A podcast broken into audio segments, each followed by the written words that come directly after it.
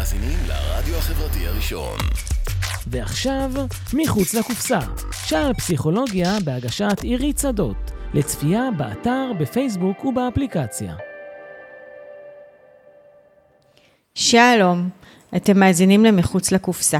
שעל פסיכולוגיה, על מה שקורה בשטח, הפרקטיקה, התיאוריה, החיבור ביניהן, כמו גם הממשק בין פסיכולוגיה לתחומים אחרים. אני עירית שדות, פסיכולוגית קלינית, והיום נדבר על התמכרות בקרב בני נוער, ואני מארחת את דוקטור דורית פורת, פסיכיאטרית לילדים ונוער ולמבוגרים, עוזרת מנהל בית החולים לב השרון ומנהלת עוגן, מרכז טיפול יום, העוגן, המטפל בתחלואה כפולה בבני נוער. היי דורית.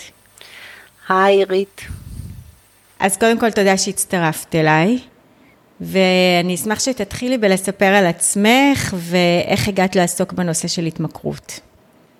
אז אה, בוקר טוב, אה, אני אה, פסיכיאטרית באמת גם למבוגרים וגם ילדים ונוער, כמו שהצגת אותי. והנושא של התמכרויות, אני מתעסקת בו כבר למעלה מחמש שנים, וזה היה מעניין איך הגעתי לזה. הייתי הרבה שנים עבדתי כרופאה בכירה במחלקה אה, סגורה לבני נוער בנס ציונה. אה, ושם ראיתי שהמון ילדים מאושפזים, אה, יש עניין של שימוש בסמים, אבל המחלקה, כש, כשטיפלנו בהם, זאת אומרת, לא, לא ידענו לתת מענה מדויק וספציפי לבעיה הזאת. אחר כך עברתי אה, לנהל בנס ציונה את מרפאות החוץ של ילדים והנוער. אה, ובאותה תקופה הגיעה לבית החולים אה, דוקטור אביבה וולף שהיא מתעסקת בתחלואה כפולה של מבוגרים. וככה באחת השיחות היא שאלה אותי, תגידי, כמה בני נוער במרפאה יש משתמשים בסמים? אמרתי לה, את יודעת מה, אני אבדוק. בדקתי לגבי רישום האבחנות, וראיתי שוואלה, אנחנו אזור נקי משימוש בסמים. אף אחד לא משתמש בסמים. אה, רק אה, להבנה, המרפאה בנס ציונה מכסה את כל לוד, רמלה, ראשון, מודיעין, ואף ילד מתוך המרפאה לא משתמש בסמים. כמובן זה היה לי מאוד לא הגיוני, והתחלתי לברר ולחקור את העניין לעומק, וראיתי שבאמת, א', לא שואלים. על שימוש בסמים במסגרות פסיכיאטריות, כמו למשל מרפאה, וגם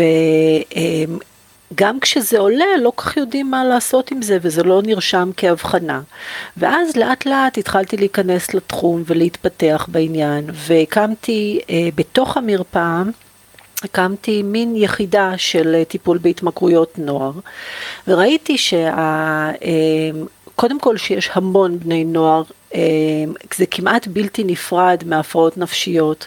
זאת אומרת, כמעט כל בני הנוער שמשתמשים בסמים סובלים מהפרעות נפשיות כלשהן, בדרגה כלשהי, ולכן אה, זה, זה משהו שאי אפשר להפריד.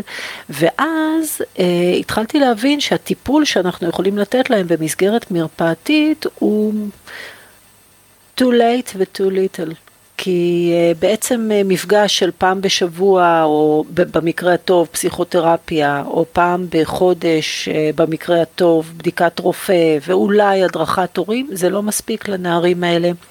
והם הולכים ומידרדרים, ונושרים ממערכות הלימודים, ממערכות החינוך, והתפקוד שלהם נפגע בכל המישורים.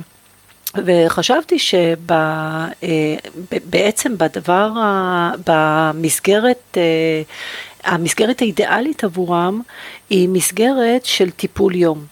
טיפול יום מבחינה זאת שהיא תקיף אה, את כל הנושאים שהם אה, צריכים בתור טיפול, וגם מבחינת הזמן שהם שוהים במסגרת טיפול יום. מסגרת שהיא בעצם, אה, הם מגיעים בבוקר והולכים אה, אחרי צהריים, אה, ובתוך המסגרת הם יקבלו גם את הטיפולים שרלוונטיים להפרעה הנפשית שלהם, גם את הטיפולים שרלוונטיים להפרעת ההתמכרות, וגם זה בני נוער כמובן, ואם הם בבוקר נמצאים במסגרת, אז הם לא הולכים לבית הספר והם לא נמצאים בשום מסגרת לא תעסוקתית ולא חינוכית, אז צריך לספק להם גם את הפן הזה. ולכן כשעברתי ל... לתפקיד ניהולי בבית החולים לב השרון, הסידור שלי עם מנהל בית החולים שמאוד תמך בהקמת היחידה ועזר באמת במה שהוא יכול, דוקטור הירשמן, הסידור שלי היה שאני מקימה טיפול יום לנוער וכך עשינו באמת. ו... ב-2017 התחלנו את המחזור הראשון של טיפול היום לנוער, אנחנו עושים את זה במחזורים של שנה טיפולית, זאת אומרת שנת לימודים. אז מתקבלים בסביבות ספטמבר ומסיימים אה, כמו שמערכות החינוך המיוחד עובדות באוגוסט. אה, אז אני מאוד מאוד שמחה לספר שהשנה, ממש עכשיו, סיימנו את המחזור השלישי, זה כבר שנה שלישית שהמרכז פועל, אה, ואנחנו לומדים יותר ומתפתחים יותר כל שנה, ועכשיו אנחנו באמת נערכים לשנת הלימודים הבאה, וזאת התרגשות גדולה, הכנסנו בית ספר לחינוך מיוחד לתוך היחידה, ממש בית ספר עם כל ה-facilities, אה, עם מנהלת בית ספר ויועצת ומחנכות ומטפלות, אה, והילדים מוקפים מכל הכיוונים למעשה. אז לפני שנתעמק ככה עוד בעוגן, אז בואי נלך קצת אחורה על בכלל, על התמכרות אצל בני נוער, וככה על השכיחות של השימוש בחומרים. זאת שאלה... שאלת מיליון הדולר, אני חושבת.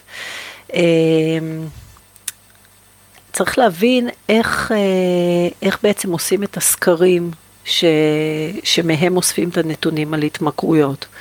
למעשה עושים את זה באוכלוסייה הכללית, והרבה סקרים, למשל בארץ, נעשים אה, אה, על תלמידי בית ספר.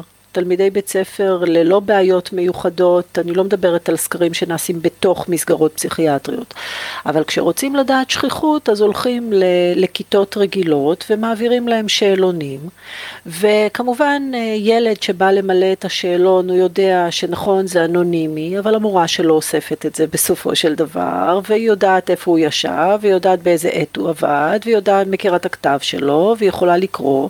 זאת אומרת, מה שאני אומרת, שהנתונים הנתונים הם תמיד יהיו אה, בתת דיווח.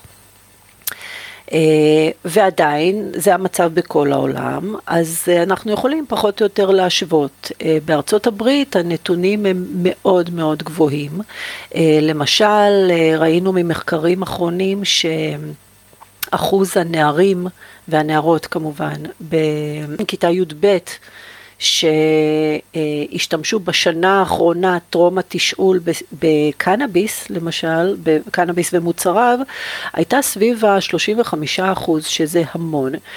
בארץ הנתונים הם אה, פחות אה, אה, גבוהים, אבל אנחנו הולכים ומתקרבים לשם. בארץ מדובר על בין 15 ל-20 אחוזים, אבל עדיין ברור לנו שגם בארצות הברית וגם בארץ מדובר בתת דיווח, ואנחנו לא באמת נוכל לדעת אף פעם את המספרים המדויקים. מה שברור זה שגם אחוז בני, בני הנוער שמתנסים ומשתמשים עולה, גיל השימוש הולך ויורד, זה אנחנו יודעים, אמ, וההשפעות של השימוש, אנחנו רואים אותם בכל מקום. אמ, מה שעוד מעניין לראות זה שבשאלון עמדות, כמה מבני הנוער חושבים שלמשל קנאביס זה סם לא מזיק, זה חומר ש, שאין לו פוטנציאל נזק. אז יחסית נניח לשנים קודמות, לשלוש שנים קודמות, כשעשו את המחקר בשנים האחרונות, ראו שמספר, אחוז בני נוער שחושבים שאין שום נזק בשימוש בקנאביס, זאת אומרת שעמדתם לגבי השימוש היא חיובית, הולכת ועולה. אגב, זה תואם גם למבוגרים. אה, מבחינת המבוגרים התוצאות מאוד מאוד דומות, יש עלייה ניכרת באחוז המבוגרים שחושבים שאין שום נזק בקנאביס. וזאת גישה שבעצם מועברת ומשודרת לבני הנוער. אז אני אגיד מההתרשמות שלי, שהיא לא, אין לי שום סטטיסטיקה בעניין, אבל זה נשמע שהיום המון המון המון אנשים משתמשים, גם מבוגרים וגם בני נוער, שזה נהיה מאוד מאוד נפוץ, גם הדיבור על הלגליזציה ככה אה, נותן לזה אה, לגיטימציה. אה, דיברת על השפעות של שימוש בקנאביס, אז תגידי על זה קצת. אז תראו, ההשפעות של שימוש בחומרים בכלל ושל קנאביס בפרט, הן השפעות מאוד נרחבות, והן נוגעות גם לתחום הביולוגי וגם כמובן לתחום הנפשי, רגשי, התנהגותי. קודם כל, מבחינת סיכונים, אנחנו יודעים ששימוש בקנאביס אצל בני נוער, שאצלהם בעצם המוח הוא עדיין מוח מתפתח. אנחנו יודעים שהמוח האנושי מתפתח עד סביבות גיל 22, 23, יש הטוענים גם 25, הוא משלים את התפתחותו. עכשיו זה גם מעניין, אני אגיד כמה מילים על זה. אה, בבני נוער, בגיל הנעורים בעצם, המוח הוא, הוא, הוא נמצא בשלבי התפתחות שונים מבחינת אזורים שונים של המוח. האזורים שאחראים על האקוגניציה, על היכולת ללמוד, אתם יודעים, יש ילדים שעושים תארים במתמטיקה בגיל 16 וכולי, אז אלה אזורים מאוד מפותחים, ויש עוד אזורים מפותחים שזה האזורים הדכפיים, היצריים, מבחינת דחפים ויצרים, המוח האנושי מפותח בגיל 15-16 בערך כמו המוח המבוגר. איפה לא? האזורים הפרפרונטליים, האזורים הגבוהים של המוח שאחראים על אה, תפקודים כמו ויסות ושיקול וקבלת החלטות הגיוניות, אלה אזורים שמשלימים את ההתפתחות שלהם אה, הכי מאוחר, כלומר לקראת אמצע גיל ה-20, ולכן אנחנו יכולים להבין שבני נוער הם מאוד מאוד יצריים, מאוד מאוד רוצים סיפוקים מיידיים, ריגושים, מחפשים התנסויות, ובעצם מנגנון השיפוט, הבקרה, הוויסות שלהם הוא עדיין מאוד חלש, ולכן לכן אנחנו יודעים שגם חלק מהעניין זה גם הרצון להתרגש, להתנסות בדברים חדשים, למרוד, להתנסות בסמים. אנחנו מבינים שזה חלק מההוויה וההתפתחות של בני הנוער, אבל לא כל בן נוער שמשתמש בסמים הופך מכור, זה קודם כל. ודבר שני, צריך לדעת באמת את הנזקים. עכשיו, אם דיברתי על הנזקים, אז uh, אנחנו יודעים שככל שתחילת השימוש מוקדמת יותר, הסיכוי לפיתוח התמכרות הוא גבוה יותר. Uh, וגם uh, יש יותר סיכוי לפתח uh, תופעות כמו מצבים פסיכוטיים, מצבים חרדתיים מאוד מאוד קשים, אם אה, יש תופעה שהיא מאוד מאוד שכיחה, אה, שקוראים לה דה-ריאליזציה ודה-פרסונליזציה. גם אחרי חלוף ההשפעה של החומר, אה, בני נוער מדווחים על מין תחושה די קבועה כזאת של איזה חיים באיזה הזיה, שהם מרגישים שהם לא הם, שהם מרגישים שהגוף שלהם נע אוטומטית ולא לא בדיוק שייך להם, הם מרגישים שהם אה, אה, מגיעים למקומות והם זרים במקומות, אפילו שזה מקומות שהם מכירים טוב. זאת אומרת, זה מין תחושה כזאת של חיים ב... ב איזשהו סרט שלא שייך להם, תחושה שיכולה להיות מאוד מבהילה, תחושה של ניתוק, תחושה של חוסר ממשות, וזה דבר שהרבה פעמים נשאר עם בני הנוער להמון המון שנים, והטיפול בו הוא, הוא טיפול מאוד מאוד מורכב, שיכול, שאמור לכלול מרכיבים שונים, כמו אה, גם לפעמים טיפולים תרופתיים, גם טיפולים רגשיים, גם טיפולים משפחתיים, סביבתיים וכולי, ומאוד מאוד עמיד, מאוד קשה. אז מעבר לפסיכוזות והפרעות חרדה שונות, כפי שתיארתי, כולל גם התקפי חרדה איומים שהם לפעמים מגיעים לבית חולים בגללם, כי הם חושבים שמשהו מאוד גרוע השתבש בגוף, למשל התקף לב, למשל התעלפויות, למשל אה, שיתוקים למיניהם, אז מעבר לזה יש גם התפתחות של אה, מצבים דיכאוניים, אה, יש התפתחות של התמכרויות לחומרים נוספים, מלבד הקנאביס. תופעות אה, אחרות כמו למשל אה, אובדנות.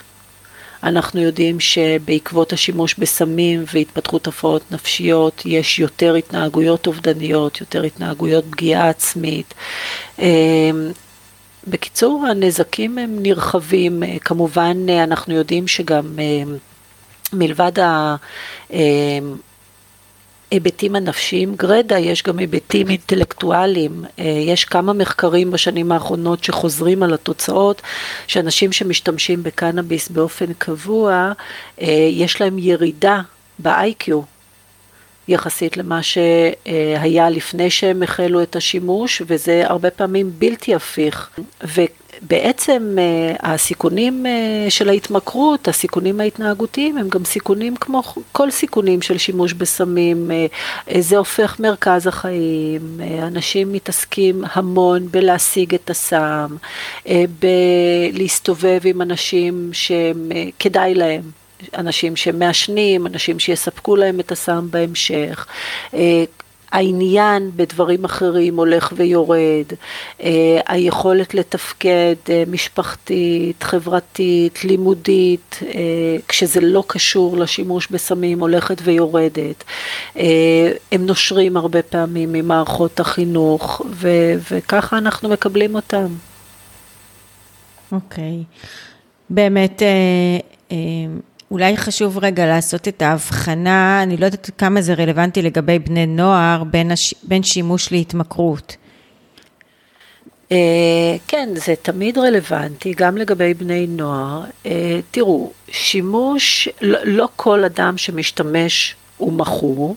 בשביל להגדיר התמכרות אנחנו צריכים בערך את הדברים שדיברנו, את ההתעסקות החוזרת בסם, את ההתעסקות למרות שזה פוגע בתחומים אחרים, את הצורך בצריכה הולכת ועולה כדי להשיג את אותו אפקט, את תסמיני הגמילה, שכשאין לך את הסם אתה אה, חווה סימפטומים מסוימים ואתה חייב להשיג אותו כדי להימנע מהאי נוחות שבתחושות האלה. אה, לא כל, לא כל אה, נער מגיע לזה, ולמען האמת מיעוט הנערים מגיעים להתמכרות קשה, אבל הקווים המנחים שלנו באבחון ובטיפול זה אה, לטפל גם ברמות התמכרות מאוד קלות או ברמות שימוש שהן הולכות לכיוון התמכרות כדי שלא יגיעו המצבים הקשים. אז, אז כך שמבחינתנו גם שימוש שהוא הולך וגובר והוא מתחיל אה, לפגוע בתחומי תפקוד אחרים, אה, זה, זה מספיק כדי לקבל אותם ולטפל בהם אצלנו. שבעצם אה, אצל בני נוער גם מדובר במניעה. בהחלט.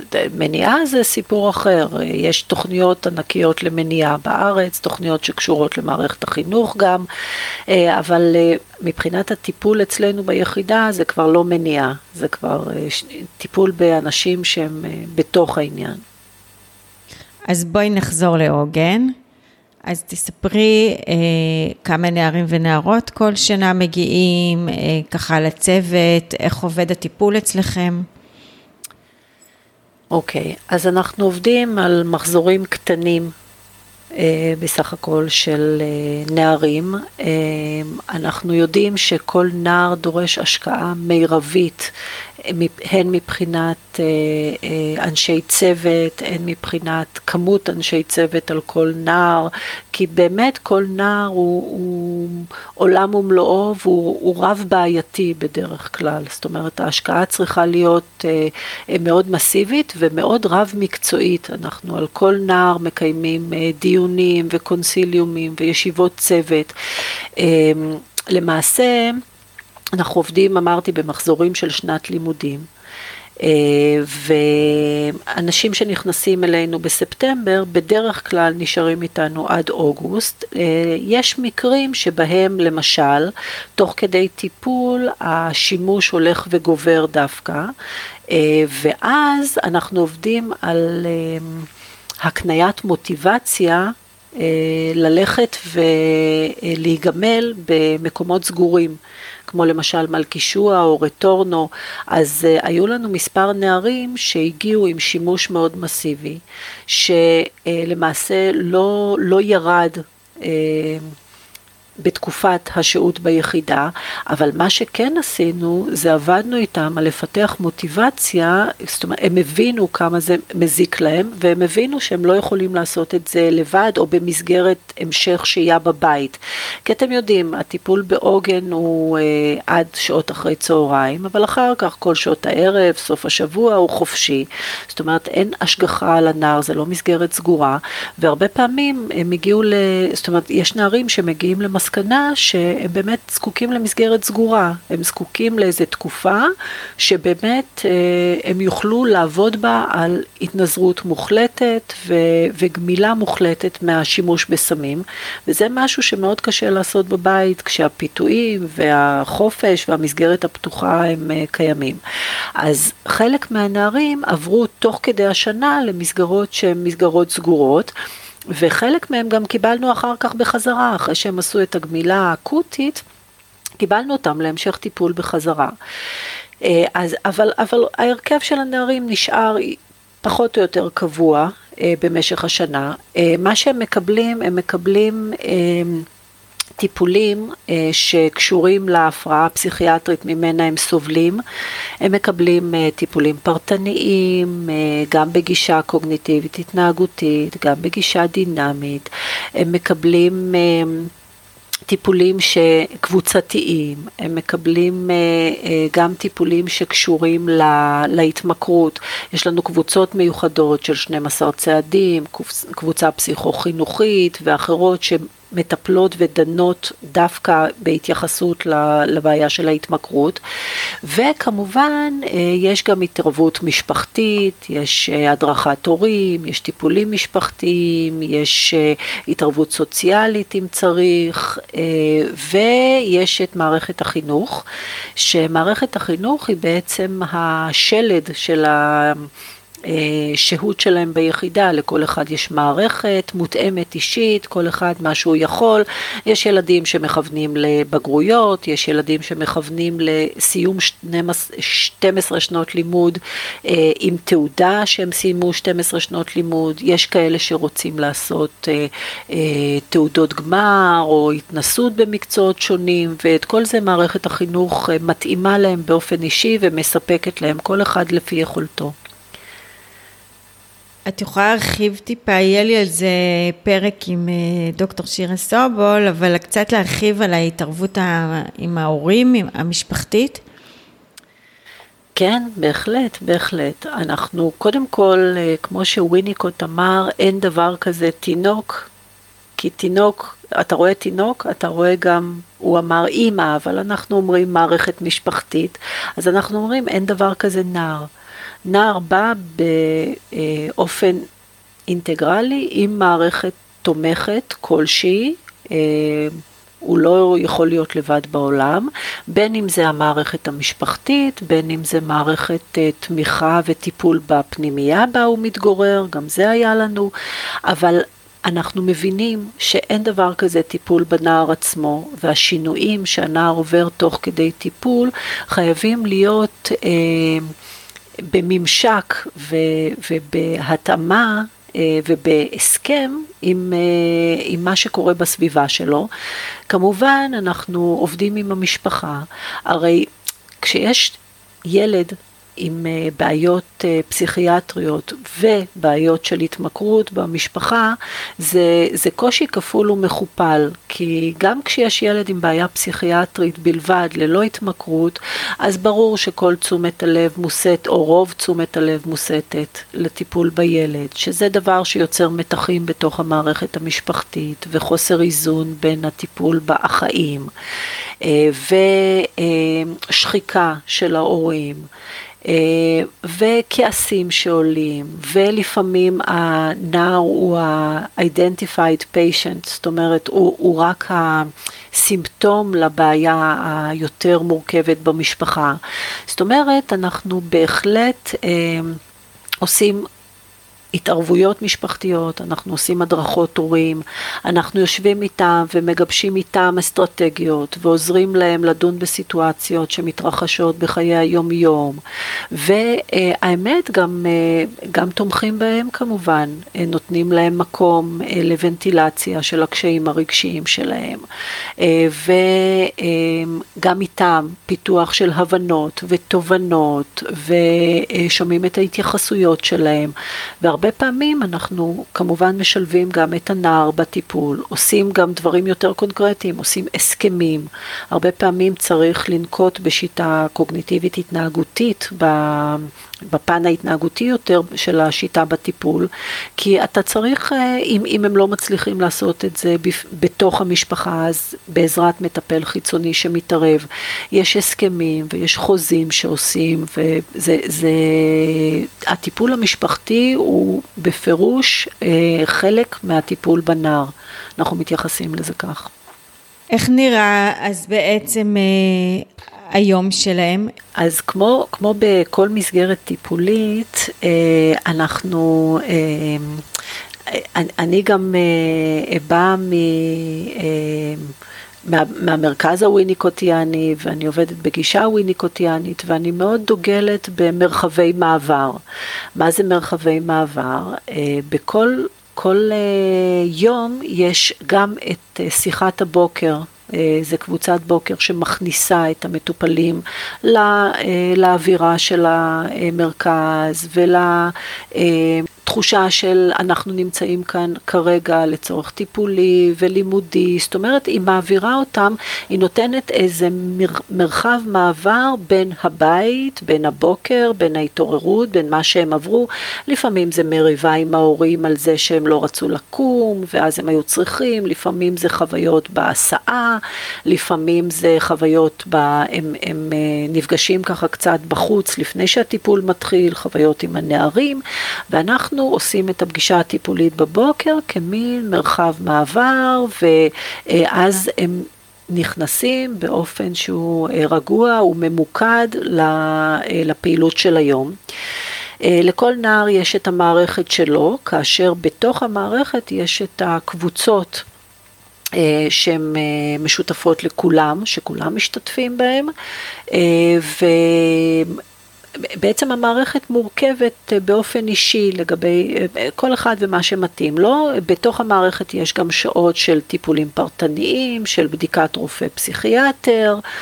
אמ, של אה, לפעמים מפגש עם עובדת סוציאלית, אם צריך להתייחס לעניין הזה, של שיחות סיכום עם הצוות החינוכי, שבעצם כך כל היום עובר, ובסוף היום, כדי לעשות את המרחב מעבר החוצה, אז אנחנו עושים גם שיחת סיכום יום. ובשיחת סיכום יום בעצם אה, אה, טיפלה מדברים על הפעילות שנעשתה, אה, עולים נושאים קצת, ו, וכך אנחנו שולחים אותם לדרכם, כשאנחנו מדברים גם על המטרות וגם על הפעילויות שהם יעשו אחרי צהריים, והם נורא צוחקים, כי תמיד כשאני משתתפת בשיחה הזאת, אני מסיימת ב"תשמרו על עצמכם", וזה הרבה יותר מסתם אמרה, זה באמת, הם, הם צריכים לשמור על עצמם כי יש המון פיתויים והמון סכנות בחוץ, ו- וזה המסר שהם יוצאים איתו מהיחידה. אה, יש אה, גם אה, דברים שהם ספציפיים, למשל, בחגים, אז יש לנו, אה, היות וזה חינוך מיוחד, אז אנחנו פועלים גם בזמני חול מועד וערבי חג וכולי.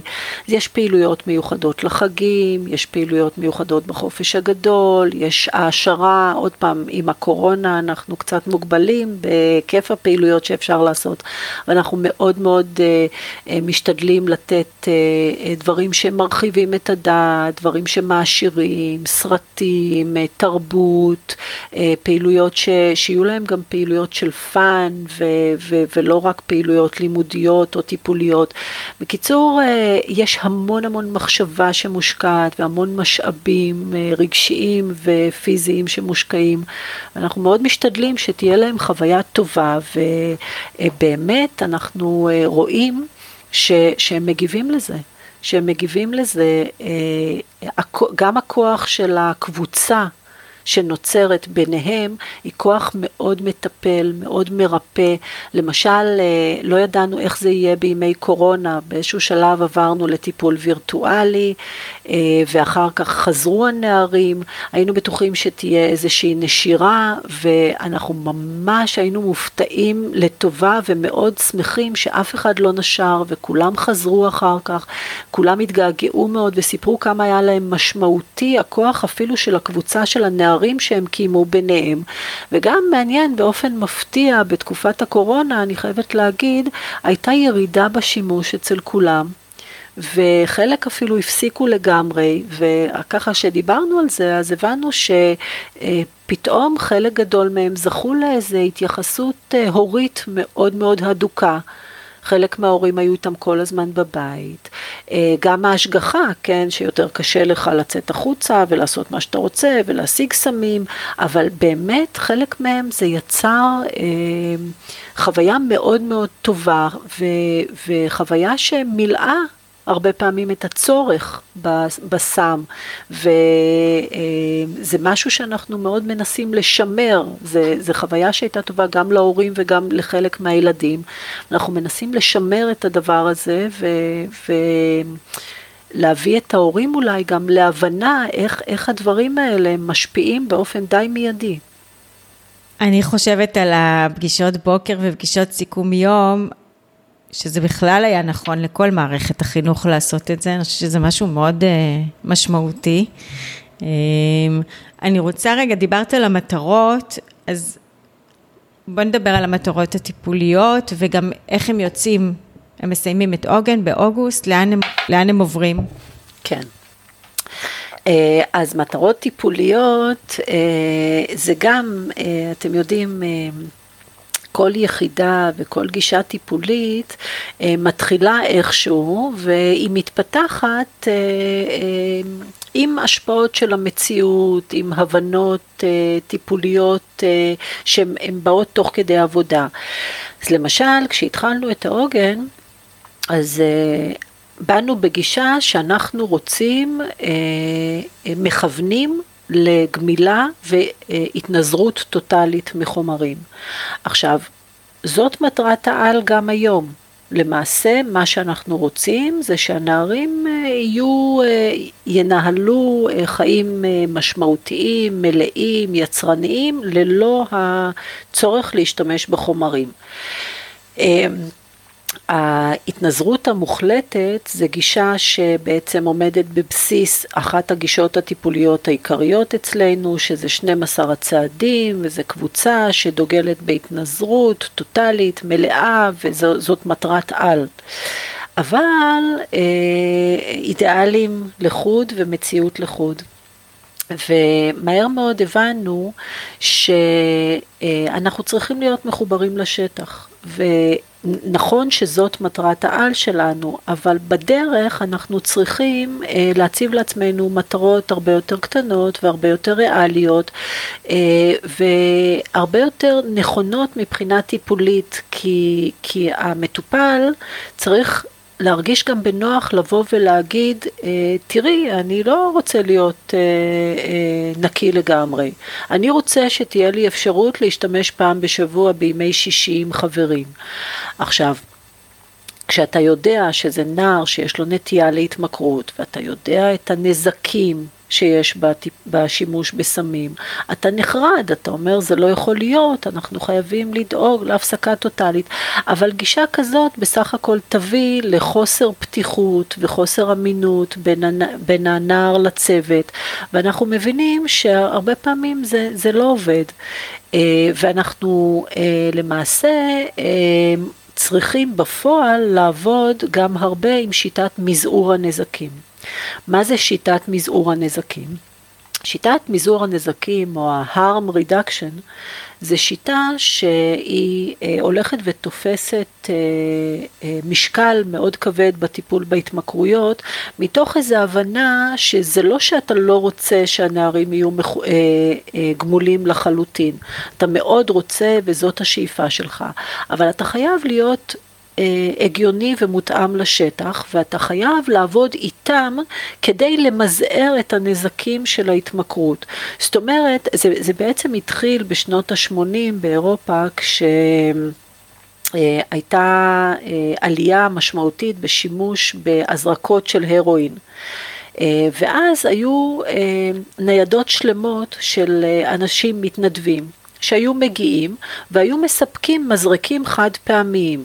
זה, זה נשמע בהתחלה דבר נורא ואיום לעשות, מה אתה עושה? אתה מעודד את השימוש ואתה עוד נותן להם מזרקים, אבל מצד שני אתה, הם יזריקו כך או כך, זאת ההבנה, שאדם ישתמש זה לא, לא משנה אה, באיזה תנאים הוא בסופו של דבר ישתמש. אז במקום שיעבירו ביניהם מחטים וילקו גם במחלות זיהומיות ומחלות מסכנות חיים אחרות, אז תן להם חדר נקי לעשות את הפעולה, תן להם אה, מזרקים חד פעמיים, והקטנת אולי קצת את הנזק, מתוך הבנה שאחר כך הטיפול יתאפשר, ואולי כשהם יותר בטוחים גופנית ופחות מתאשפזים, אולי אחר כך תוכל לעבוד איתם פסיכולוגית על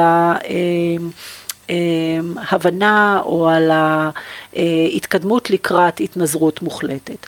כמובן הדוגמה הזאת עם המזרקים היא קיצונית כי אנחנו מדברים בדרך כלל על התמכרויות לקנאביס ויש לנו מאוד מעט אם בכלל אה, נערים שמכורים לסמים בהזרקה אבל גם בהתמכרויות לקנאביס, אנחנו מדברים על זה שאנחנו אנחנו איתם, אנחנו עושים איתם מזעור נזקים. למשל, אנחנו מדברים איתם על הקטנת הכמות, אנחנו מדברים איתם על מתי אפשר לא להשתמש, נניח מגבילים את מספר הפעמים בשבוע בהסכם איתם, מתוך הבנה שזה לא משנה, שאם לא נעשה איתם את ההסכמים הם יעשנו גם ככה ויעשו את זה בצורה בלתי מבוקרת, לפחות עם המטפל כשאתה קובע כללים. אנחנו מאוד מנסים לנתק את החיבור בין סלף אה, מדיקיישן לשימוש בסמים. מה הכוונה?